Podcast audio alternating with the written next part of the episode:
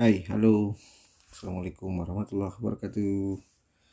Ketemu lagi sama saya di podcast si Abah yang sudah lama tidak muncul, tidak update. Masih di Spotify ya. Jadi teman-teman buat yang mau bikin podcast atau siniar boleh di Spotify lewat aplikasi Anchor ya yang sekarang sudah dimiliki oleh Spotify. Tinggal buka aplikasi Anchor, bikin akun, langsung rekam, kemudian edit di situ bisa langsung upload. Gampang lah. Um, terus ngapain mau bikin podcast? Ya minimal kayak saya lah, mengeluarkan keresahan-keresahan tentang apa yang terjadi di sekitar kita dalam sudut pandang saya pribadi itu. Oke, hari ini tanggal 11 Februari 2022 di mana sekitar tiga hari yang lalu diumumkan PPKM level 3 untuk kota Cirebon level 2 untuk Kabupaten Cirebon. Suatu hal yang uh, tidak asing sebetulnya dan hmm, bukan hal yang baru maksudnya gitu. Tapi ini adalah varian baru dari uh, virus corona yaitu omikron omikron itu uh, sebuah apa namanya jenis jenis varian baru dari covid yang katanya sih uh, gejalanya mirip dengan uh, COVID pada biasanya, cuman katanya tidak separah uh, COVID del uh, apa varian Delta kalau nggak salah gitu. Nah, ini keturunannya langsung keturunan virus SARS ya, SARS SARS COVID itu ya, Omicron ini. um, uh, ini muncul di Afrika kalau nggak salah ya. Muncul di Afrika kemudian ke Hong Kong dan lanjut ke mana-mana sampai ke Eropa kemudian ke Amerika Serikat dan tahun ini uh, merebak di Indonesia gitu. Nah um, yang menarik kita uh, cermati di sini adalah bukan hanya dari bukan dari uh, virus itu sendiri tetapi dari uh, respon ya respon pemerintah kita gitu. Respon pemerintah kita seperti yang sudah-sudah walaupun memang sekarang tidak ada drama komedi lagi gitu. Yang dulu kan kita tahu bahwa uh, beberapa pejabat itu seolah-olah berkomedi gitu bahwa kok corona bisa uh, dengan apa namanya uh, kayu putih bla bla bla atau dengan makan apa waktu itulah uh, bisa uh, sembuh lah dan sebagainya gitu. Sekarang sih uh, the same the same shit lah gitu. Artinya hmm, regulasi yang masih saja belum belum belum apa belum ajeg gitu. Artinya si pemerintah itu uh, tetap menggunakan istilah ppkm dan ini uh, sudah mungkin tidak akan ada pergantian lagi sebelum sebelumnya ada PSBB, P, P, PK apalah gitu ya sama yang di PPKM di berlevel-level. Dengan kategori tertentu nah di level 3 ini merupakan level yang hampir level paling parah gitu. Nah di sini um, penentuan penentuan level itu berdasarkan minimnya tracing katanya. Minimnya tracing itu ya mungkin karena para nakes kita sibuk dengan program vaksinasi massal ya. Di beberapa tempat di puskesmas di tempat-tempat uh, umum gitu. Bahkan di hmm, kepolisian di kesatuan TNI dan lain sebagainya juga sudah ada uh, proses itu gitu proses vaksinasi. Mungkin sibuk dengan itu sehingga tidak ada tracing. Dan mungkin sekarang perasaan hampir nggak ada lah yang tracing tracing seperti itu ya. Kecuali orang yang mau bepergian saja. Dan itu pun harus dengan kesadaran sendiri kan.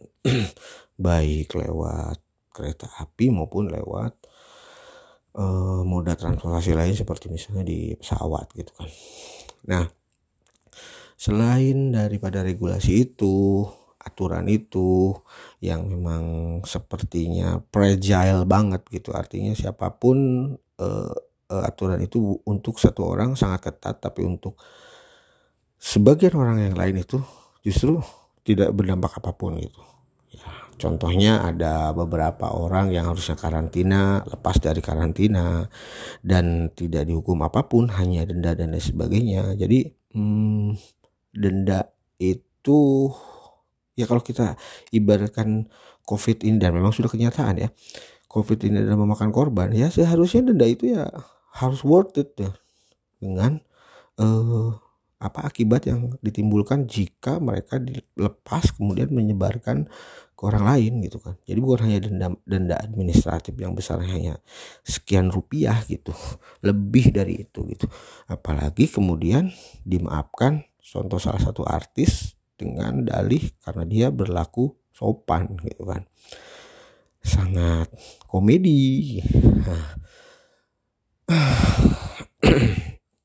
kebetulan saya sudah pernah uh, positif. Uh, mungkin kalau sekarang kurang lebih tepat satu tahun saya positif COVID-19 2021 um, kemudian vaksin dan alhamdulillah bulan kemarin sudah booster. Hmm, vaksin satu dua pakai Sinovac kemudian booster pakai AstraZeneca nah itu uh, mudah-mudahan sih ya mudah-mudahan teman-teman uh, bisa mengakses uh, dan uh, uh, bisa mendapatkan jatah yang uh, booster ini lebih cepat gitu. Kalaupun memang um, belum ada edaran atau apa pun itu minimal kita cari tahu lah ke puskesmas terdekat. Yang paling dekat di wilayah kita adalah puskesmas. Setiap kecamatan itu ada, makanya uh, keep kontak sama kecamatan gitu. Apakah ada program booster, apakah ada program tracing ya. Kembali lagi ke ke kita lah nanti ya. Dalam hal ini walaupun dari segi regulasi yang ngambang ke sana kemari tapi minimal kita harus realistis. Kita coba ikuti aturan minimal untuk diri kita sendiri. Karena akibat yang paling dekat itu adalah keluarga kita ter, keluarga kita gitu kan. Keluarga kita tercinta gitu. Yang ada di rumah yang setiap hari ber uh, apa namanya berinteraksi gitu. Minum dulu nih.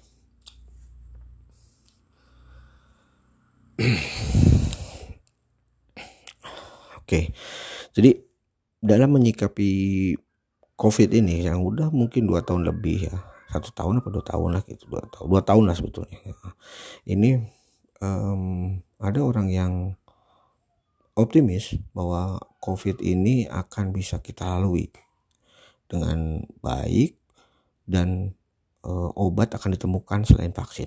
Itu ada orang-orang orang optimis melanjutkan hidup dengan berbagai macam uh, uh, apa sikap uh, apa namanya sikap optimisnya ada juga orang yang pesimis gitu. Orang pesimis itu yang lebih ke ah ya udahlah. Uh, kasarnya nunggu mati nunggu sakit. Kalau udah sakit eh gimana gitu.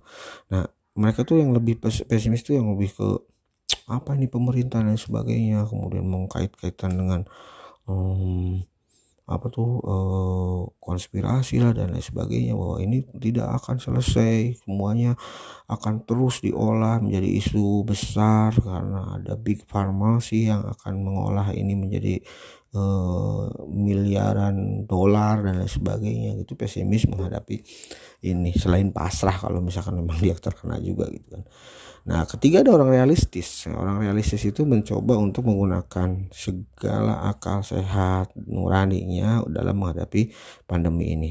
Ketika dia uh, menghadapi pandemi ini, ada aturan dan sebagainya, dia coba mengadjustment uh, dirinya dengan lingkungan, kemudian mengedukasi uh, lingkungan sekitarnya, dan kemudian ketika ada uh, himbauan dia akan selalu dia akan patuh realistis. Walaupun memang realistisnya melihat melihat kondisi yang naik turun. Itu seperti mungkin dia juga ada ada rasa ini gimana sih? Akan ada akankah ada ujungnya? dan sebagainya gitu. Tapi tetap berpikir realistis bahwa memang uh, apa yang kita hadapi saat ini orang realistis gitu ya.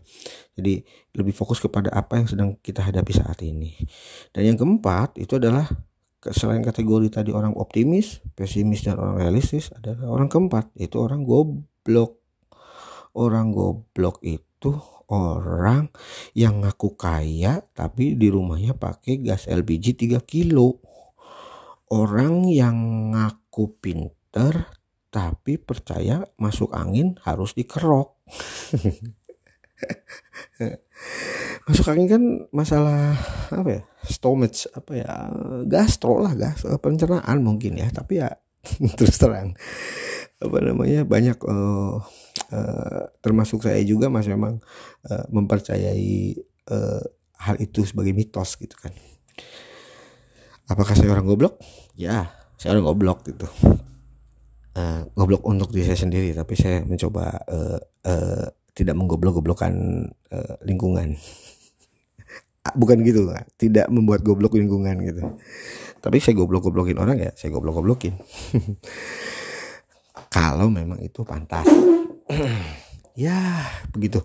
Jadi orang yang goblok ini orang yang contohnya orang yang nyepuin diri sendiri. Dua kasus. Satu kasus adanya youtuber di orang youtuber orang Jogja kalau nggak salah nama itu siapa ya? Lupa saya.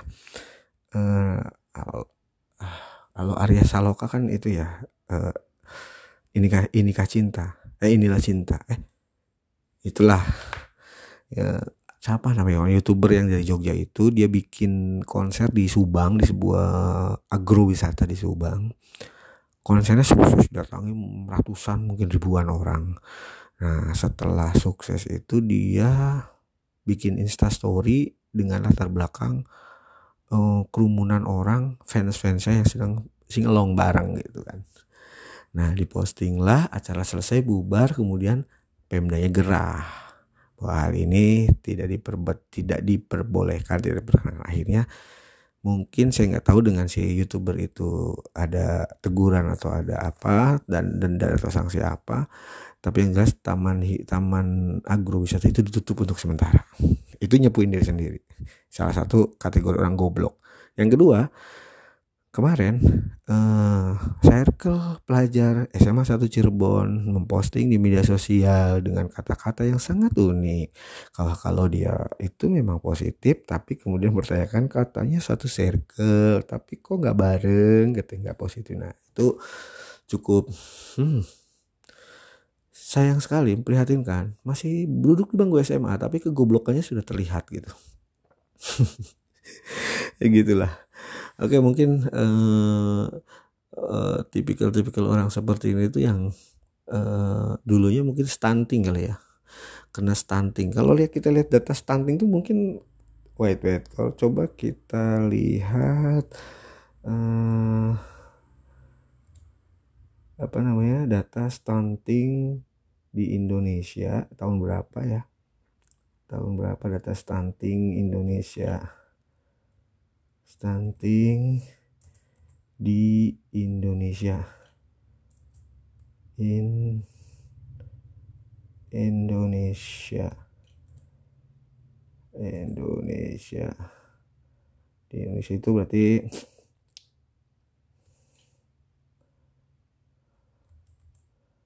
di Indonesia sebentar wait ya sebentar ya di Indonesia.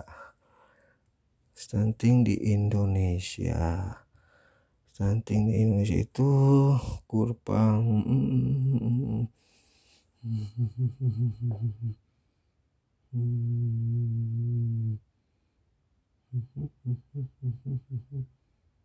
wait, wait, kita lihat dulu ya ntar ya.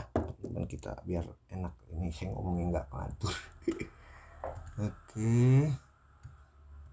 hmm. hmm hmm, berdasarkan hasil SSG itu penurunan sebesar oke eh, dan ini tahun kalau berarti kalau yang sekarang umur 15 15 berarti sekitar tahun 2010 ya lahir 2010 2010 itu kalau sekarang berarti 17 tahun. 2010 ya kan? Eh 2010 2020 oh 12 12 uh, 2019 ya tahun 2000 ya. Tahun 2000 Oke itu berarti sekitar tahun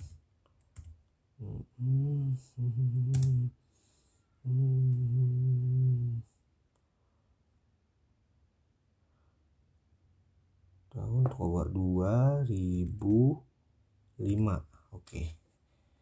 Tahun 2005 misalkan. Hmm, berapa persen? Oh, oh, oh. Hmm, bukan di sini. Wait wait wait. Oke ini itu tahun berapa ya? Oh ini ada nih tahun 2018 nih.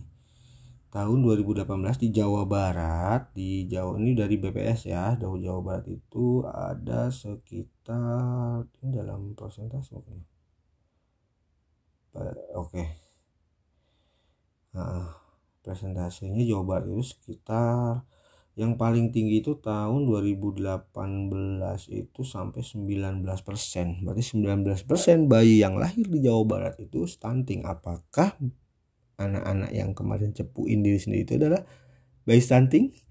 Kita tidak tahu. Karena kan tahu kalau bayi stunting itu kan hmm, daya pertumbuhannya apa pertumbuhannya kurang cenderung pendek. Mungkin juga daya berpikirnya jadi berkurang karena asupan nutrisinya juga berkurang gitu kan ya.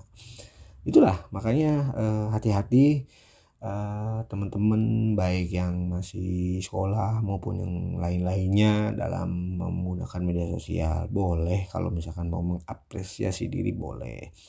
Tapi tolong lihat kondisi sekitar. Jangan sampai juga teman-teman akhirnya merugikan diri sendiri gitu kan?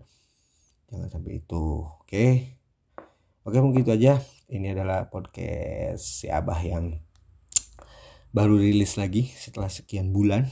Dan insya Allah nanti saya akan mulai um, apa rutin lagi lah. Entah seminggu sekali seminggu dua kali atau dua minggu sekali ya. Doain uh, ada waktu dan ada mood lah gitu untuk untuk kerjainnya gitu. Kadang susah nyari mood seperti itu. Oke okay, thank you. Stay safe teman-teman semuanya selama masa pandemi ini ppkm level 3 ini buat teman-teman yang punya bisnis uh, stay strong tetap berusaha. Insya Allah rezeki nggak akan ke mana.